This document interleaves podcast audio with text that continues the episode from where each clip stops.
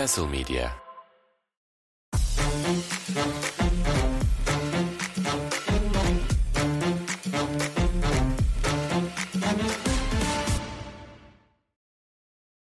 Castle Medya'nın sunduğu Şişkaoskas'tan bu haftada herkese merhabalar. Her zaman olduğu gibi Ersin ile beraberiz. Ben Savaş Gürdal. Bu haftada haftanın Euroleague gündemini konuşacağız. Özellikle dikkat ettim bu hafta aynı hatayı yapmadım abi. Yine laf edeceğini biliyorum çünkü. Sunum için sunum için sana doğru bir yönlendirme yapmak istiyorum.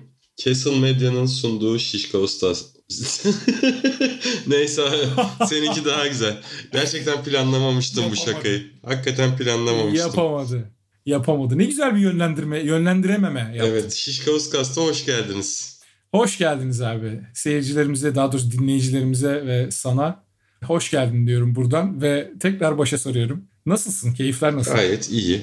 Yani Fenerbahçe güzel bir hafta içi yaşattı. Onun dışında biraz daha rutine binmeye başladı. O yüzden biraz daha rahatladım. Keyfim biraz daha iyi. Genel olarak da genel olarak da keyfim yerinde. Yani düşünüyorum bir olay yokmuş geçen haftadan eklenecek. Senin nasıl? İyi iyi güzel. Bizim de bu hafta misafirimiz var. Dinleyicilerimizden ikisi. Cansu'nun ailesi burada. Sana da selam yolladılar. Geçen haftaki maskot tespitlerini çok beğenmişler. Özellikle bunu sana iletiyorum. Hoşuna gideceğini bildiğim için. En kıymet verdiğim dinleyici. Evet. En Sağ olsunlar. Sağ olsunlar. ikisi. Sağ olsunlar. Gerçekten mi? Ha, ailecek dinleniyor değil mi? Evet, ciddi söylüyorum. Dalga geçmiyorum. Süper. Süper. Çok iyi ya.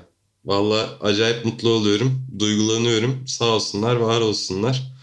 Yani bu haftaya bu haftaya biraz daha sağ içine ayırdık.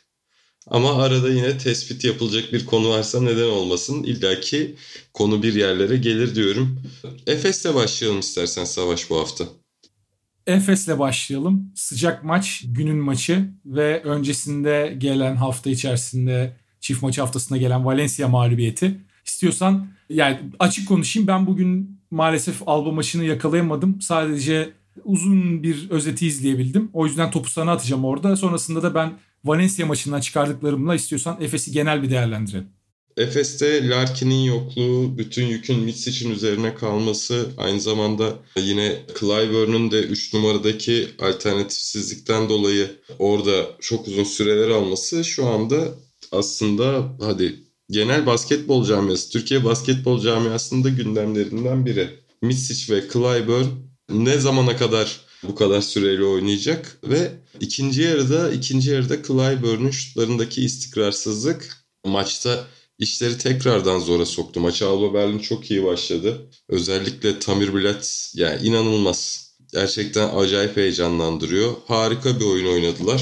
Sigma'nın neredeyse hiç katkı veremediği bir maçta hep maçın içinde kaldılar. Ve 3. çeyrekte de 3. çeyrekte Efes 3. çeyreğe iyi başladı. Oyunu aldı fakat ondan sonrasında işte yorgunluk kaynaklı mı ya da hani şuttur girmez. Ama daha iyi oyun oynamaya başladı ve oyunu çevirdi fakat noktayı koyamadığı yerde bu sefer devreye Polonara Dunstan ikilisi geldi ve gerçekten yaptıkları harika savunma performansıyla maçı Efes'e getirdiler. İlk yarısı hücum temposu açısından gerçekten güzel, eşsiz denilebilecek bir maçtı. İkinci yarıda da fizik gücün ve ayakta kalabilmenin ne kadar etkili olduğunu gördük. Maçın genel özeti böyle. Yani maçın X faktörleri Polonar ve Dunstan'dı kesinlikle. Dunstan'da da Dunstan'da yine o savunmada kritik anlarda birinci alternatif olmaktan vazgeçilmeyeceğini de gördük. Genel olarak bu. Açıkçası onu biraz sanki Valencia maçında da gördük ama önce ilk girdiğin yerden ben de devam edeyim istiyorsan. Efes'te sezon başında en kaygı verici olan şey senin de söylediğin gibi Misic ve Clyburn'un üstüne binen yük. Bunun Larkin'in gelişiyle beraber hafifleyebileceğini öngörüyoruz ama şu anki gidişata baktığımızda yani Misic'in ve Clyburn'un her maç 20 civarı top kullanıp ve 35 dakikalar civarı süre aldığını görüyoruz ki yani bu sürdürülebilir bir şey değil. Yani bu konuyla alakalı ilk tabii benim aklıma gelen şey olası bir bunun bir sakatlığa vesaireye yol açma ihtimali. O yüzden ya ondan uzak durmak lazım. Şu an Efes'in başına gelebilecek en kötü şey bu ikiliden birinin başına gelebilecek ciddi bir sakatlık. Ya umarız o olmaz diyeyim en başta.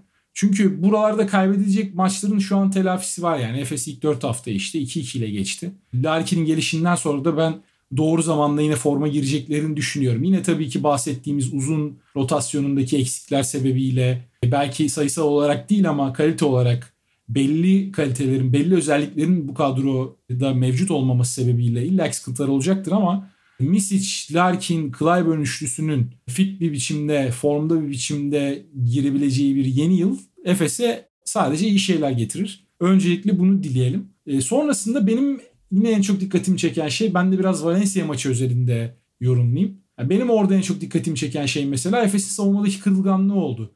Bunu biraz Valencia'nın Fenerbahçe karşısındaki performansında da gördük. Özellikle maçın ilk yarısında. Ama Valencia bunu Efes'e karşı tüm maç boyunca sürdürebildi. Fenerbahçe ikinci yarıda savunmada ciddi bir reaksiyon verdi. Ben bu reaksiyonu özellikle de evinde oynarken Efes'ten de bekliyordum. Efes'ten bu reaksiyonu görememek işin savunma tarafında. Çünkü Larkin'in gelişiyle savunmada Efes'in bir şeyleri çözeceğini çok düşünmüyorum. Yani yine muhtemelen aynı seviyelerde devam eden bir takım olacak. Efes'in savunmada ortaya bir şeyler koyabilmesi için o çözümü içeriden bulması lazım ve elindeki şu anki malzemeyle bulması lazım. Larkin'in gelişi savunmada herhangi bir çözüm muhtemelen getirmeyecek. O yüzden bu kadro içerisinde ben oralarda bir çözüm bekliyordum ama özellikle işte Dubljevich'in dışarı açıldığı pozisyonlarda, o pick and pop durumlarında, close out'ları savunmada, yani tempolu gelen özellikle Efes şut kaçırdıktan sonra bir Valencia'ya karşı transition savunmasında yerleşebilme konusunda Efes çok büyük problem yaşadı. Ve oralarda yani Plyce'ın ve ağırlıklı olarak Ziz için çok net bir şekilde ağır kaldığını gördük. Yani hem devrilmelerde hem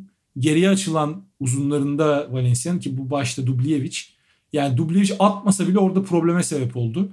E bu tabii diğer bütün oyunculara da çok net şutlar bulma şansı verdi ki Valencia'nın aslında bütün oyun temeli buna dayanıyor. Yani bunu net bir şekilde söyleyebiliriz. Valencia Chris Jones dışında herhalde çok net bir şekilde dribbling üstünden yaratabilecek bir takım değil. Bu sebepten ötürü onlar da tempolu karşı sahaya gelme, set temposunu sürekli yüksek tutma ve onun üstünden boşluklar bulabilme. İşte Prepelic olsun. Bu maçta Klaver müthiş attı. Klavere olsun. İşte aklıma gelmeyen başka kim var mesela Jared Harper da attı. İşte Puerto'sundan tut da zaten Van Rossum iki maçı da bu haftaki Fener maçında bence çok iyi oynadı. Efes maçında çok iyi oynadı. Ya oralarda Efes'in takım olarak Valencia'yı biraz düzen dışına çıkarabilmesi gerekiyordu gibi geliyor bana. Sen Efes'in savunma performansı hakkında ne söylersin? Ben yine biraz daha bu maç özeline döneceğim. İşte hani Alba Berlin'de özellikle ilk yarıda Kumadje pota altında. Onun dışında işte dediğim gibi bütün maç boyunca hep kritik yerlerde üçleri sokan Tamir Bilet. E, onun dışında Zosman baya baya temposuyla katkı verdi ve çok yüzdeli attı. Ve ilk yarı Efes zaman zaman cevap veremedi bu tempoya. İkinci yarıda ikinci yarıda e, çok fazla faal olan bir maç olmamasına rağmen bir de hani Albalı Albalı oyuncuların bazen tercihlerde bir ekstra pas vermek yerine bazı şutları zorladığını da gördük. O da yine biraz o da yine biraz kalite ve tecrübeyle alakalı ama çok daha hareketli, çok daha oyunun içinde kalan ve Miss için tamamen önderliğe geçip tamamen oyun kurucu rolüne adapte olup skoru geri planda tuttu ve rakibi çok iyi durdurduğu bir 6-7 dakikaya da şahit olduk. O da ayrı. Yani işte Plyce ve Ziz, Plyce ve Zizic birbirlerine çok muadil oyuncular gibi gözükebilir savunmada. Plyce'ın biraz daha blok avantajı var. Ama Dunstan ve Polonara ikilisiyle de herhalde bundan sonra savunmayı ön plana alacağı zamanlarda burayı net olarak görecek. Bu Alba Berlin maçı net olarak cevabı verdi bence Ergin Ataman'a. Ama bunun dışında bir 3 numara eklemesi gelir mi? Yani şu anki durumda oyunu bazen kontrol altına almak, tempoyu tekrar ele geçirmek için sadece Mis için varlığı yetmiyor. Boboa bazı zamanlarda oyun kurucu rolü alırdı ama bu sene pek o rolde görmedik. İlk çeyrekte Erten Gazi hücumda katkı vermemesine rağmen Misic'i açıkçası aktif bir şekilde dinlendirdi savunmada. Bir enerji kattı. Yani Ergin Ataman'la Alba Berlin performansı Valencia'da gördükleri üzerine nasıl panzehirler üretebilirim. Çünkü Alba Berlin de yine yarı sahayı çok hızlı geçen ve dripling üstü dripling üstü gitmek ya da birebirleri zorlamak yerine genelde ne diyorlardı o hücumaya? Savaş. Ya kat üstünden yaptıkları Hah, hücum aynen, aynen. Adını ben de unuttum şimdi aklıma. Tiki taka. Yani, yani. bol paslı, bol paslı en doğru şut bulana kadar pas temposunu hızlı tutan bir takımdı ve hatta yarı sahayı hızlı geçip buldukları e, çok net boş şutlar da oldu. İşte biletin değerlendirdiği şutlar oldu. Zosman'ın öyle. Yani Prosida bu arada o da o da enteresan oyuncu Savaş. Ne düşünüyorsun? Hiç takip edebildin mi? Biliyor musun? Abi Prosida bu sene sene başında zaten akıllara giren isimlerden bir tanesiydi. Sene içerisinde daha dikkatli izleyeceğim. Birkaç kere kısa kısa da olsa Alba'ya bakma evet. şansım oldu.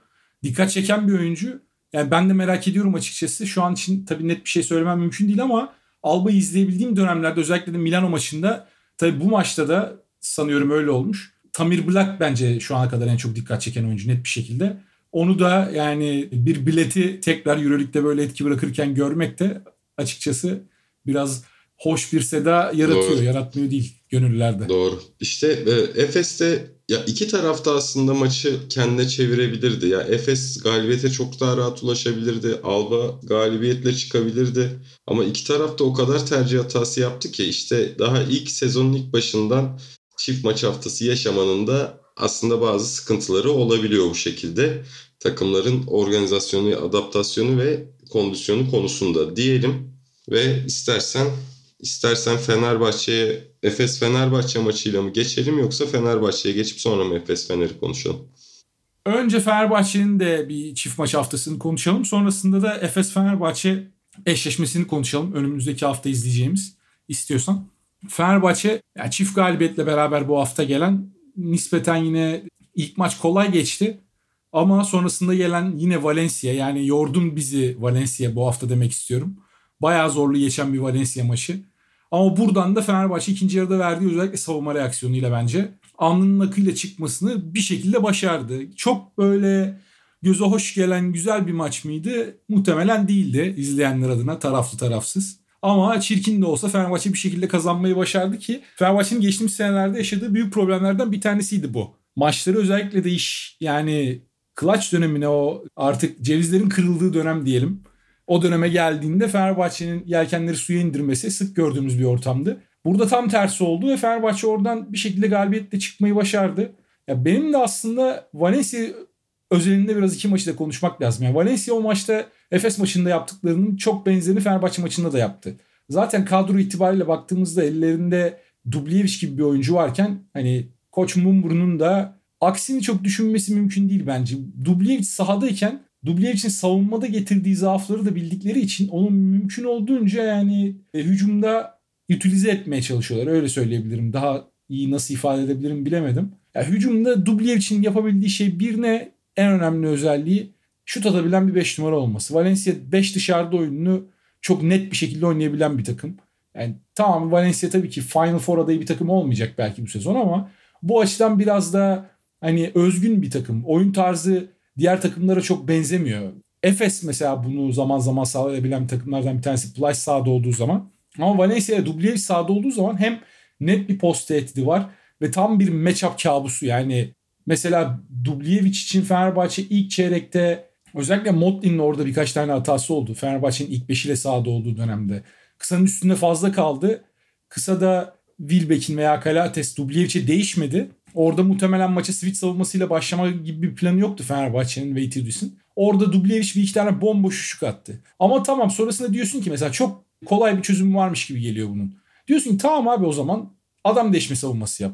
Tamam Fenerbahçe adam değişme savunmasına döndü. Bu sefer de ikinci çeyrekte Dublevic içeride inanılmaz bir matchup dezavantajı yarattı Fenerbahçe. Yani Dublevic o öyle kuvvetli bir oyuncu ki en azından Euroleague seviyesi için orada Fenerbahçe forvetleriyle Dublevic'in üstünde kaldığı zaman veya gardıyla ki gardla kaldığı dönemlerde bu daha büyük problem. Bu sefer de top oraya indiği anda sayı oluyor. Zaten hani bunun önüne geçebilme şansın yok hiçbir şekilde. Wilbeck'inle veya işte Kalates'le bile ki fizikli bir gard Kalates birebir baş başa pota altında 3 saniye çevresinde bile kalsa Dublevic bir şekilde potaya gidiyor veya double geliyor. E oradan da bu sefer köşedeki boşlukları bulabilecek seviyede pasör bir oyuncu. O açıdan büyük sıkıntı. Orada Fenerbahçe'nin en büyük avantajı bence Dublevic'e ikinci faalini aldırmak oldu. İlk yarıdaki en azından kullanımını kısıtlamayı başardılar. Bu sefer de ne oldu? Yarı sahada Valencia'yı Fenerbahçe bir derece kısıtlamayı başardı. Ama bu sefer Fenerbahçe hücumda istediği hiçbir şey bulamadığı için boş döndüğü bütün toplar bu sefer kendi potasında transition üçlüklerine veya işte yarı transition dediğimiz o setin hızlı başladığı ve yüksek perdeyle başlayan hücumlarda Valencia'nın tek pasta boş adamı bulması ve boş üçlük atmasıyla sonuçlandı. Valencia da şöyle ilginç bir takım. Ya bu pozisyonları yaratabiliyorlar ama maça nasıl girdikleri maçın gidişatını çok net bir şekilde belirliyor. Valencia iyi başladığı zaman Efes maçının ilk yarısında da gördük bunu. Yanılmıyorsam 11 şut attılar Efes maçının ilk yarısında. Fenerbahçe maçının da ilk yarısında yanıyorlardı.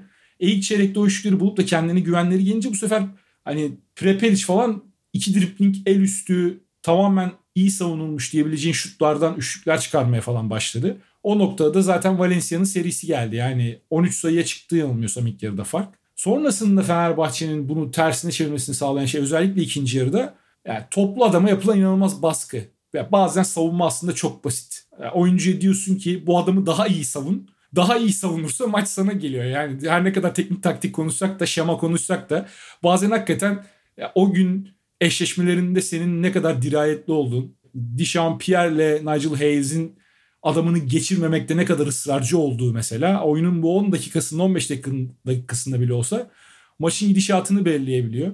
Bu maçta gördüğümüz herhalde bu savunmadaki ilk yarı ve ikinci yarı arasındaki büyük fark dışında en çok dikkat çeken şey Wilbeck'in Fenerbahçe formasıyla en iyi maçıydı. Kalates'in herhalde Fenerbahçe formasıyla en kötü maçıydı diyeyim. Burada da topu sana atayım. Wilbeck'ini nasıl buldun? Bir anda Wilbeck'in sorusunu beklemiyordum öncelikle. Wilbeck'ini iyi buldum. Wilbeck'ini iyi buldum. Yani Asvel maçında da ondan önce de zaten hep belli bir standartta ya Wilbeck'in işte Fenerbahçe için en büyük defosu aslında top kayıpları ve bazen sadece kendi için oynamasıydı. Şimdilik işte ya skordaki o skor silahı olma yönünü benimsemiş gözüküyor. Ee, topu illaki elinde istemiyor. Topu eline aldığında dağıtırken de yani hücumda o ilk pası veren adam olmayla ilgili de bir tereddütü yok şimdiye kadar.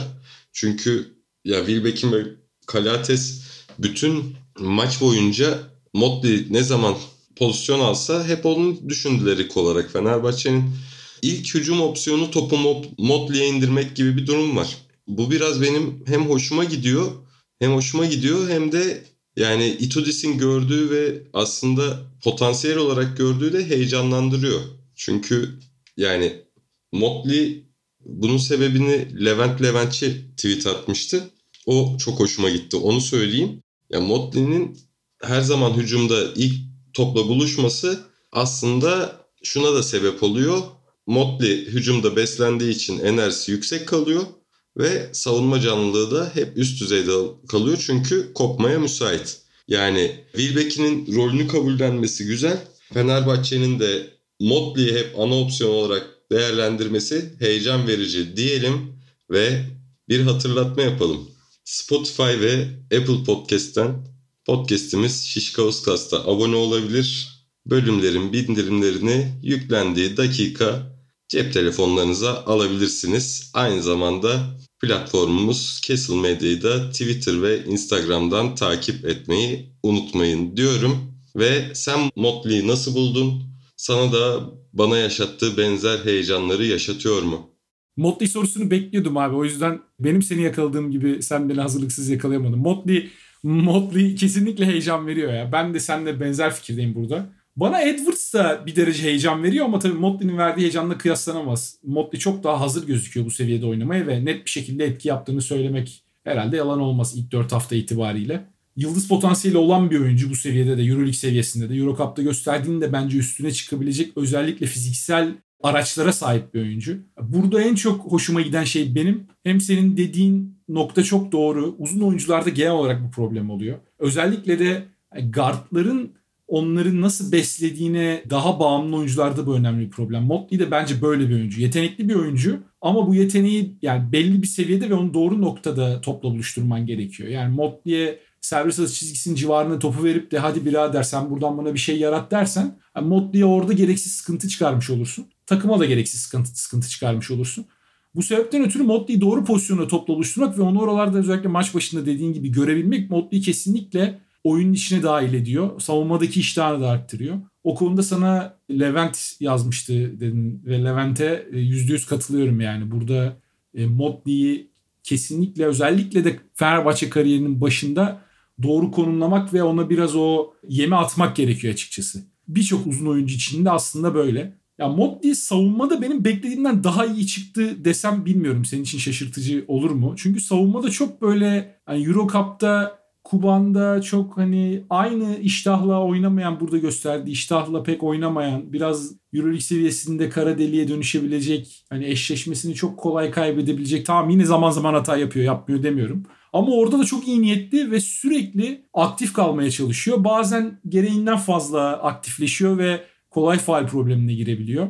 Ama bunların hepsi zamanla yontulabilecek şeyler ve ilk 4 hafta itibariyle 4 galibiyete de yani zaman zaman bazılarına zaman zaman bazılarına maçın tamamında bu kadar iyi katkı vermiş olması bence kesinlikle pozitif. Ben Bielsa ile de birbirlerini iyi tamamlayabileceklerini düşünüyorum özellikle hücumda. Savunma tarafını göreceğiz diyeyim ya. O tarafla alakalı net bir şey söylemek zor. Bielsa'nın da Avrupa'da özellikle de bu kadar çok adam değişilen bir sistemde, Itudis'in sisteminde nasıl gözükeceğini daha bilmediğimiz için net bir şekilde Motley Bielsa ikilisi yan yana nasıl olacak onu da merakla bekliyorum. Eğer savunmada belli bir seviyenin üstünde kalabilirlerse bence Fenerbahçe için hücumda getirecekleriyle çok büyük pozitif olur bu ikiliyi yan yana kullanabilmek. Ve ya Bielsa döndükten sonra herhalde ilk beşe muhtemelen ya herhalde muhtemelen değil de ikisinden biri olacak ilk beşten çıkan oyuncu Pierre ve Hayes. Ya benim tahminim bu performanslar devam ederse muhtemelen Hayes'i ilk beşte tutar. Pierre'i kenardan Kuduric'le beraber getirmeye çalışır Itudis.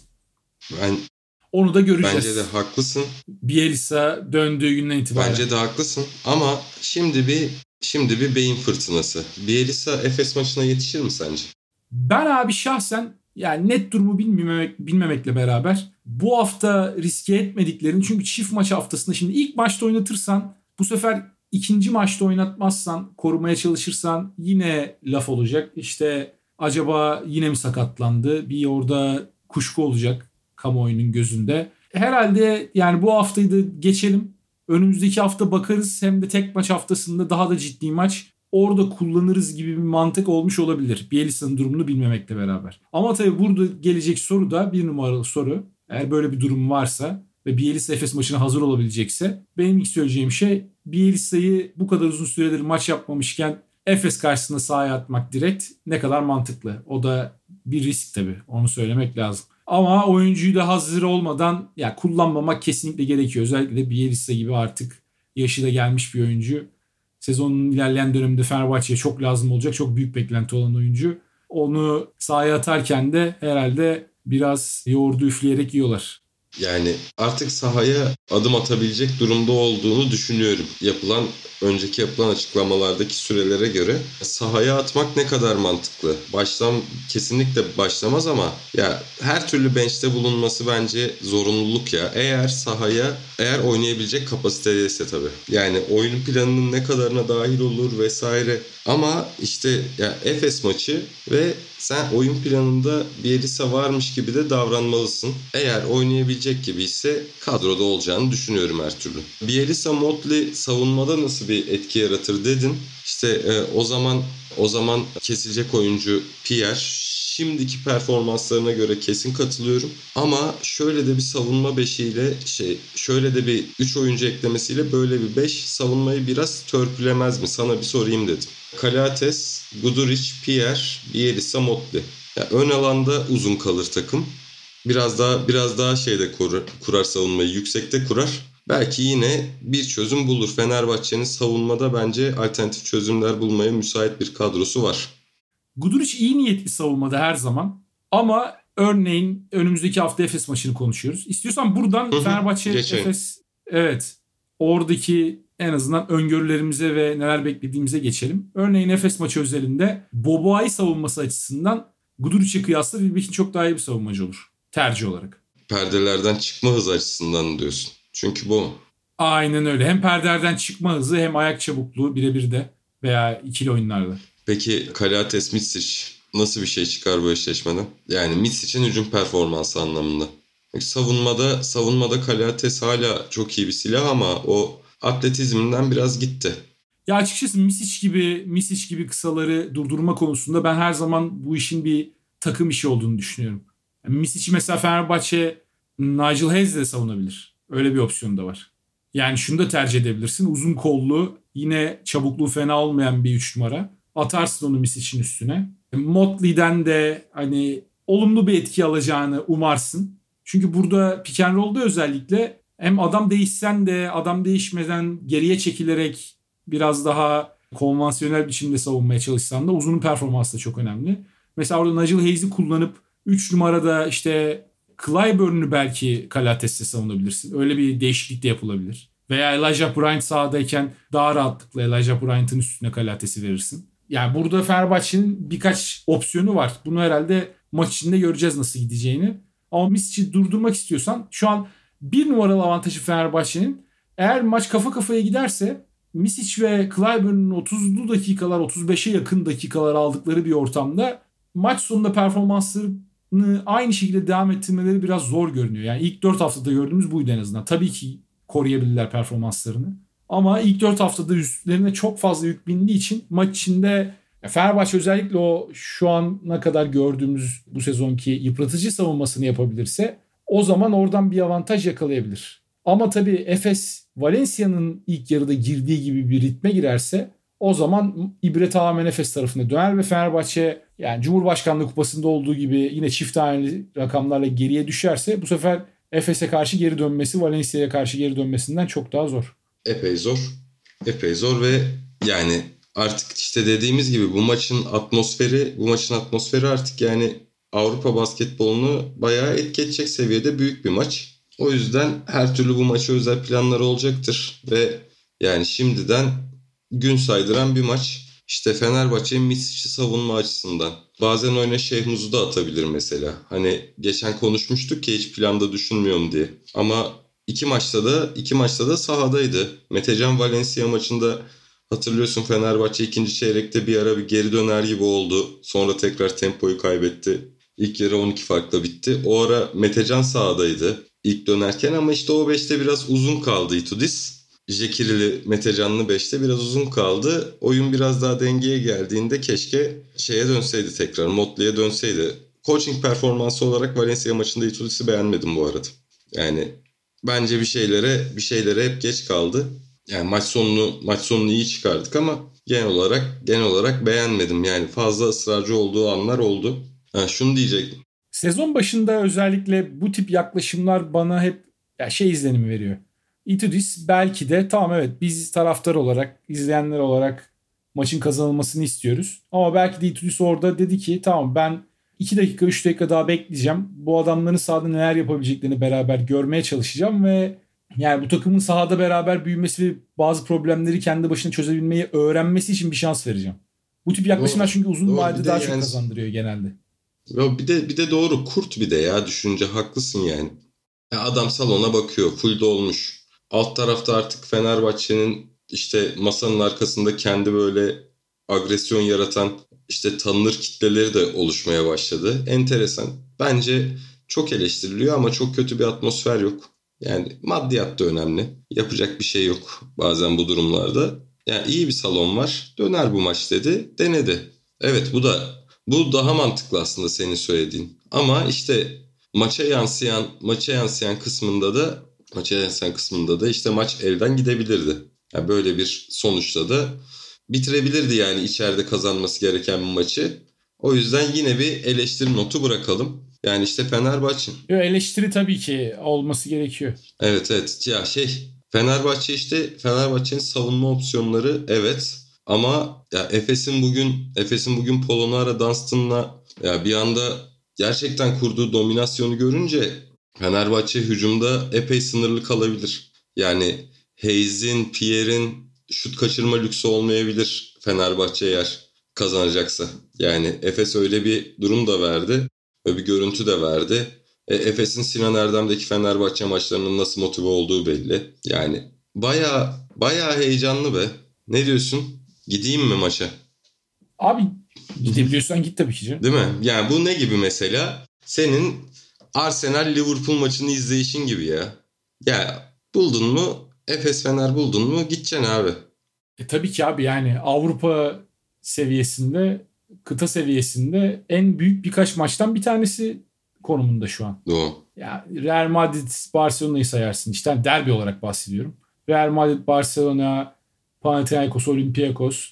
Bunların yanında koyabileceğin derbi yani tamam belki iki takımın taraftarı arasında bu diğer iki derbide olduğu kadar çok büyük bir şey yok. Ama çekişme açısından takımlar arasındaki rekabet açısından son 10 yılda geldiği nokta bence gayet güzel bir nokta ve yani iki takım da sürekli karşılıklı yumruklar atıyorlar. Geçen sene Fenerbahçe final serisinde kazandı. İşte bu sene Cumhurbaşkanlığı Kupası'nda Efes geri bir mesaj gönderdi. Şimdi bir sonraki sinyal kimden gelecek onu göreceğiz haftaya Cuma. Pierre'le alakalı e, bu sezon biraz kendi şut standartının altında başladı herhalde ve Efes'i yenmek istiyorsa Fenerbahçe kesinlikle hem Pierre'den hem de genel olarak takımdan %33'ün üstünde bir şut performansı alması gerekiyor Valencia maçında gösterdiğinin. Orası kesin. Ya Kalates'in bu şekilde devam etmesi gerekiyor ama orada savunmanın net bir şekilde riske ettiği oyuncular bir Devin Booker Valencia maçı 3'te 0. 2 Dichampier net bir şekilde riske ediyorlar diyemeyiz ama kim atsın istersen yine hani çok hayır demeyeceğim bir oyuncu. İçeride basit bir turnike yemektense. Dichampier 4'te 0. Edwards'tan zaten bu maçta hiçbir şey alamadı Itudis. E, Metecan bir seni iki kere bomboş bıraktılar. ikisini de kaçırdı.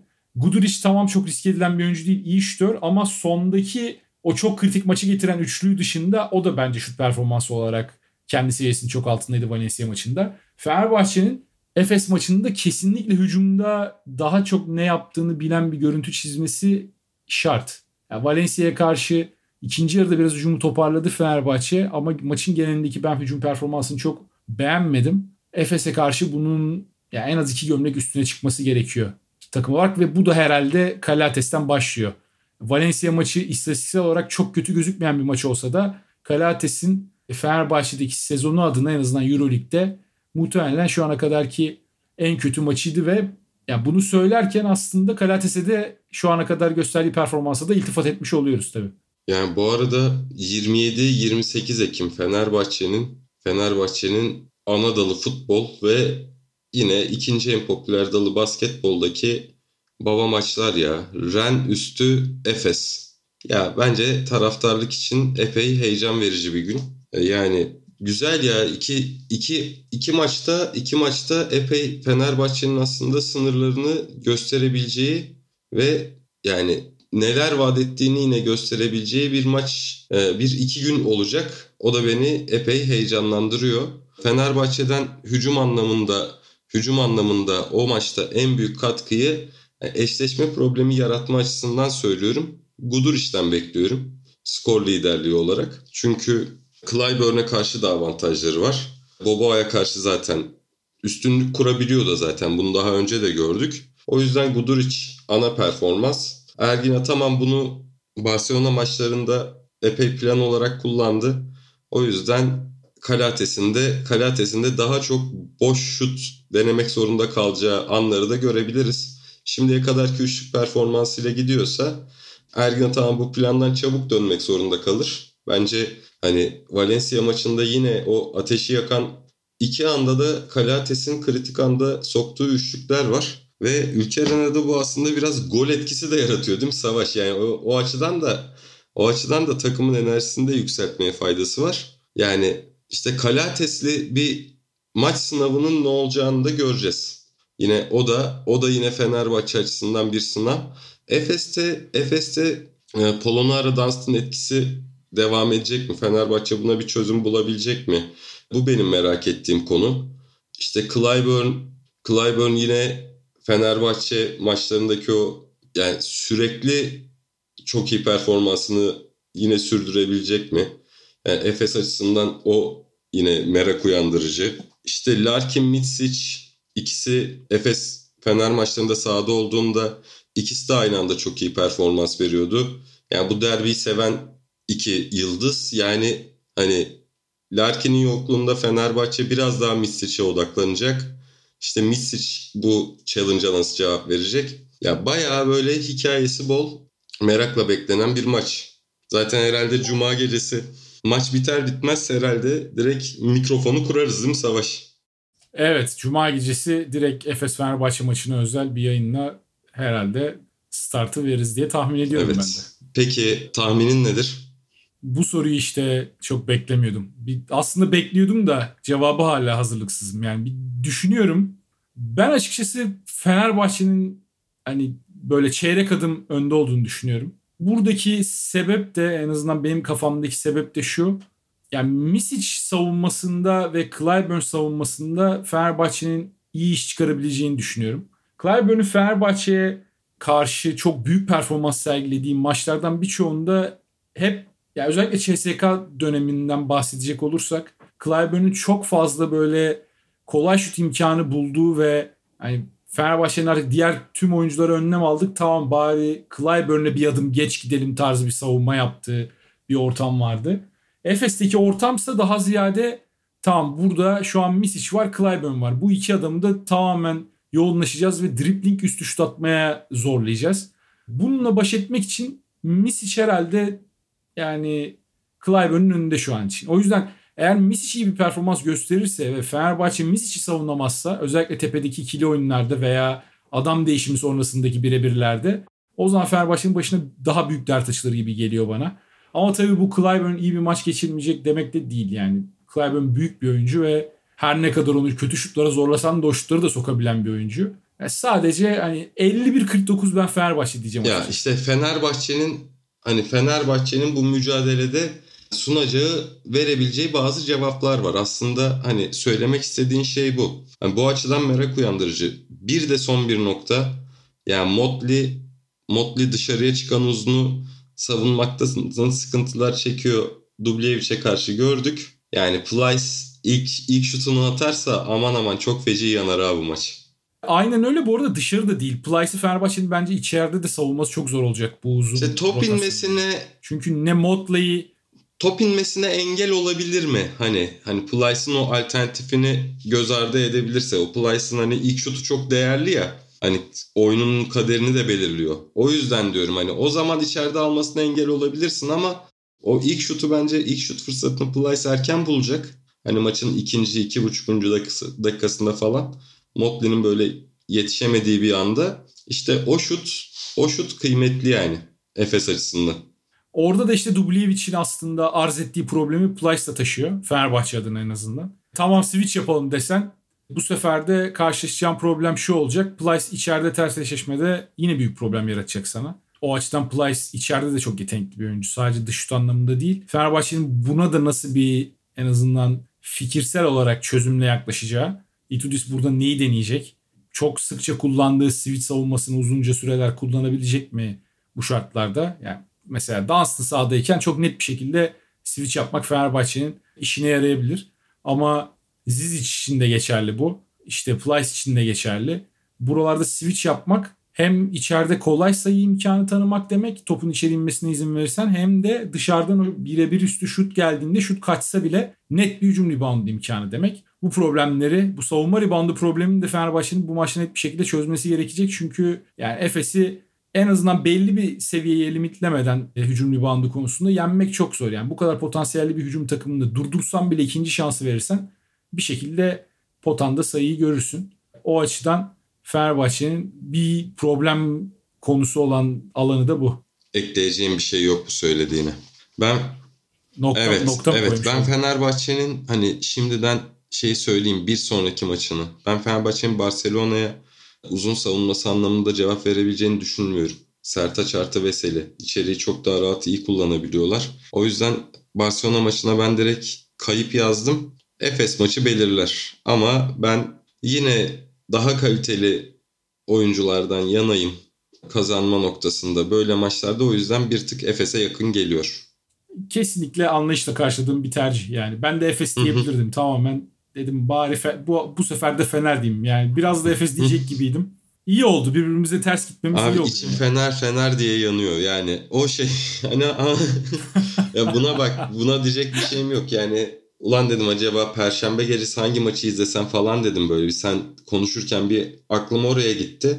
Sonra dedim ki Ren maçı var ya. Dur Ren maçı Ren maçına gideceğim yani. Hani o Fener heyecanında bir başka baba. Tamam Arsenal'e kombineyi bağladın her maça gidiyorsun ama Fener'im de ayrı keyif. Yanlış yönlendirmeyelim abi dinleyicilerimizi. Kombinem yok. Son olarak şunu söyleyeyim. Fenerbahçe'nin ne olabileceğini, ne olduğunu biraz gördük ilk 4 haftada ama her ne kadar sağlam galibiyetler gelmiş olsa da performans açısından fikstür yine 3 tane iç saha maçı ve playoff iddiası muhtemelen olmayacak 3 takım. Şu an görüntü öyle. Yani Maccabi dışındaki üçlünün çok playoff'a yakın olabileceğini ben zannetmiyorum. E belki biraz yakın olabilirler ama hani playoff yapmaları zor görünüyor. En azından şu anki görüntüyle. O yüzden Efes üstü Barcelona deplasmanları Fenerbahçe'nin nerede olduğunu ve hedeflediği yere gitmek için ne kadar çaba göstermesi gerekeceğini herhalde biraz anlatacak bize. Son sözünü söyle istiyorsan Efes Fener'le alakalı çok genel haftanın çift maç haftasının dikkat çekenlerine değinip sonrasında veda edelim. Ya ekleyeceğim bir şey yok söylediklerine. Yani kıran kırana bir maç bekliyorum. Keyifli olur. Öncesi sonrası bayağı bizi telefonlara kitleyecek bir cuma akşamı bizleri bekliyor. O zaman abi çift maç haftası yani birçok maç vardı. Bir numaralı dikkat çeken şey Kesin. Olympiakos Fenerbahçe ile beraber namalup iki takımdan bir tanesi ve ilk hafta mıydı ikinci hafta mıydı değinmiştik. Yani Vezenkov şu ana kadar herhalde Euroleague MVP'si. Kesin öyle. Kesin öyle ve yani İspanya'dan çıkıverdi adamlar ya. Yani Baskonya maçı 3. çeyrek Baskonya'nın her attığı giriyor. 10 sayı geriye düşmüşsün. Tekrar dönüyorsun. Yani 15 farkla bitiriyor son çeyreği. Ya acayip bir hücum performansı var şu an. Yani top yönlendiricisi bu kadar fazla olan bir takım zaten hani bu potansiyeli vaat ediyordu. Final Four'a zaten çok insan aday görüyordu net olarak. Bunu da gösteren bir Olympiakos var. Bolomboy bir tık daha iyi olursa baya baya şey gider. Vezenkov da Vezenkov da iyice artık hani Goat'a bağladı ya. Yani süperdi. O kadar o kadar keyifli ki izlemesi. Dorsey'i kaybetmişken Dorsey'i kaybetmişken sezonu bu kadar etkileyici girmeleri, deplasmanda 3 tane İspanyol takımını birden yenmiş olmaları. Ya yani ilk 4 hafta bir maç sadece içeride oynadı Olympiakos.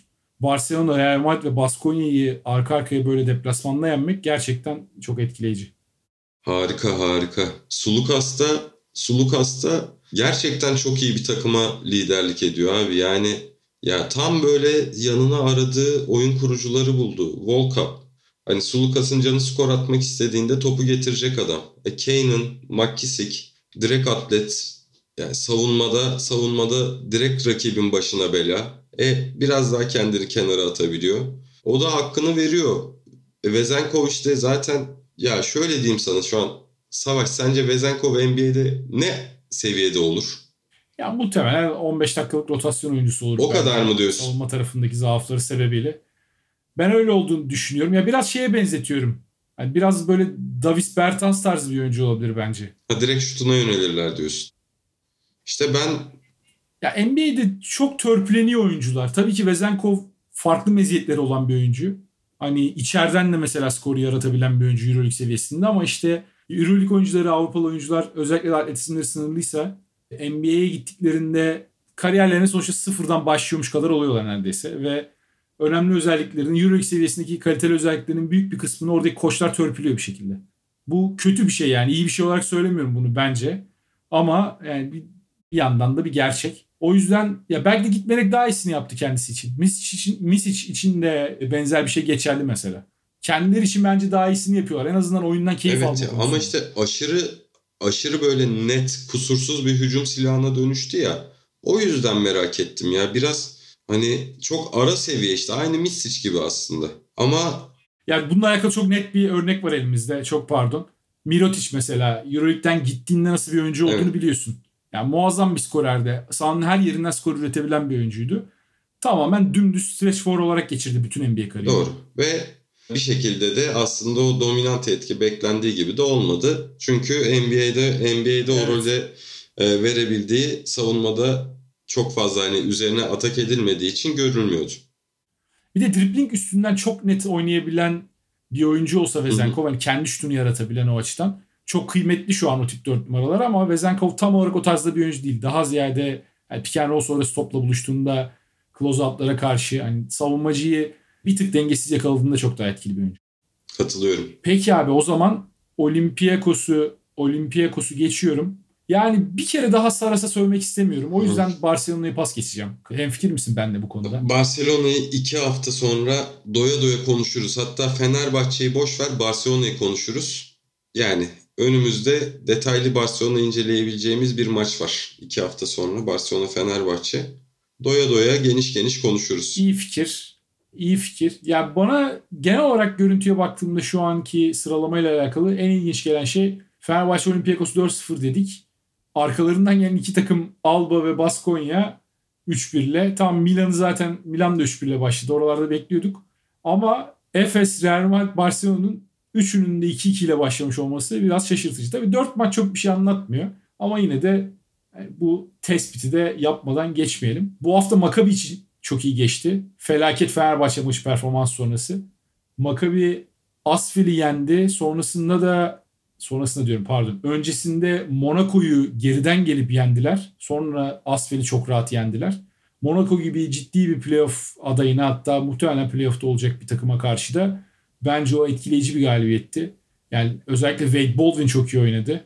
Maccabi'nin buna ihtiyacı vardı net bir şekilde. Çünkü Fenerbahçe maçını izlediğimde benim aklımda canlanan ilk şey ya bu takım tamam bu, bu kadar transfer yaptılar ama yani aynı takım. Bu 5 senedir aynı takım ve sahada aynı şeyi görüyoruz birkaç tane patlayıcılığı olan ama yarı sahada ne yaptığını dair hiçbir fikri olmayan guard. İşte bir iki tane yetenekli belki forvet uzun ama ortaya çıkan şey tam bir çorba diyordum. En azından kendini tam sezon sonunda belki yine bundan çok farklı bir görüntü ortaya çıkmayabilir. O ihtimal de var. Ama en azından kendine güvenlerini kazanmaları adına güzel bir hafta oldu Makabi için. Serdar Ali Çelikler tarzı bir çıkış yapacağım. Sana bir şey soracağım. Bir yerde Barcelona Panathinaikos var. Bir yerde de Baskonya Monaco var. Hangisini izlersin?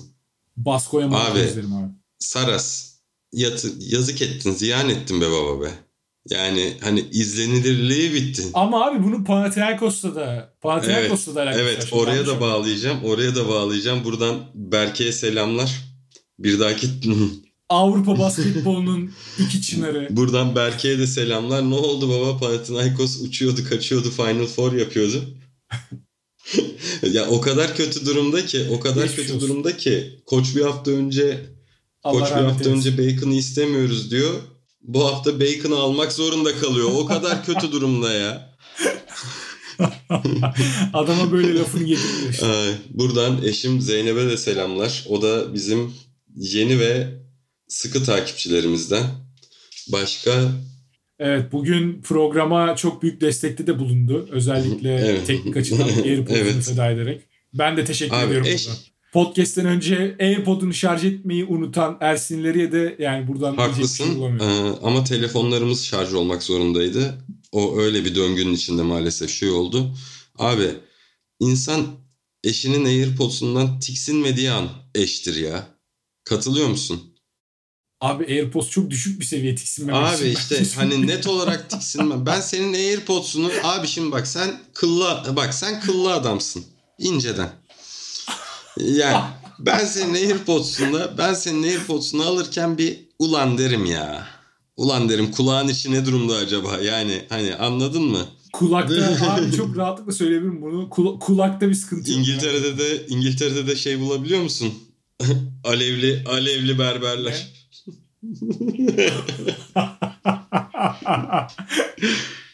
İngiltere'de bu arada daha berbere gitmedim.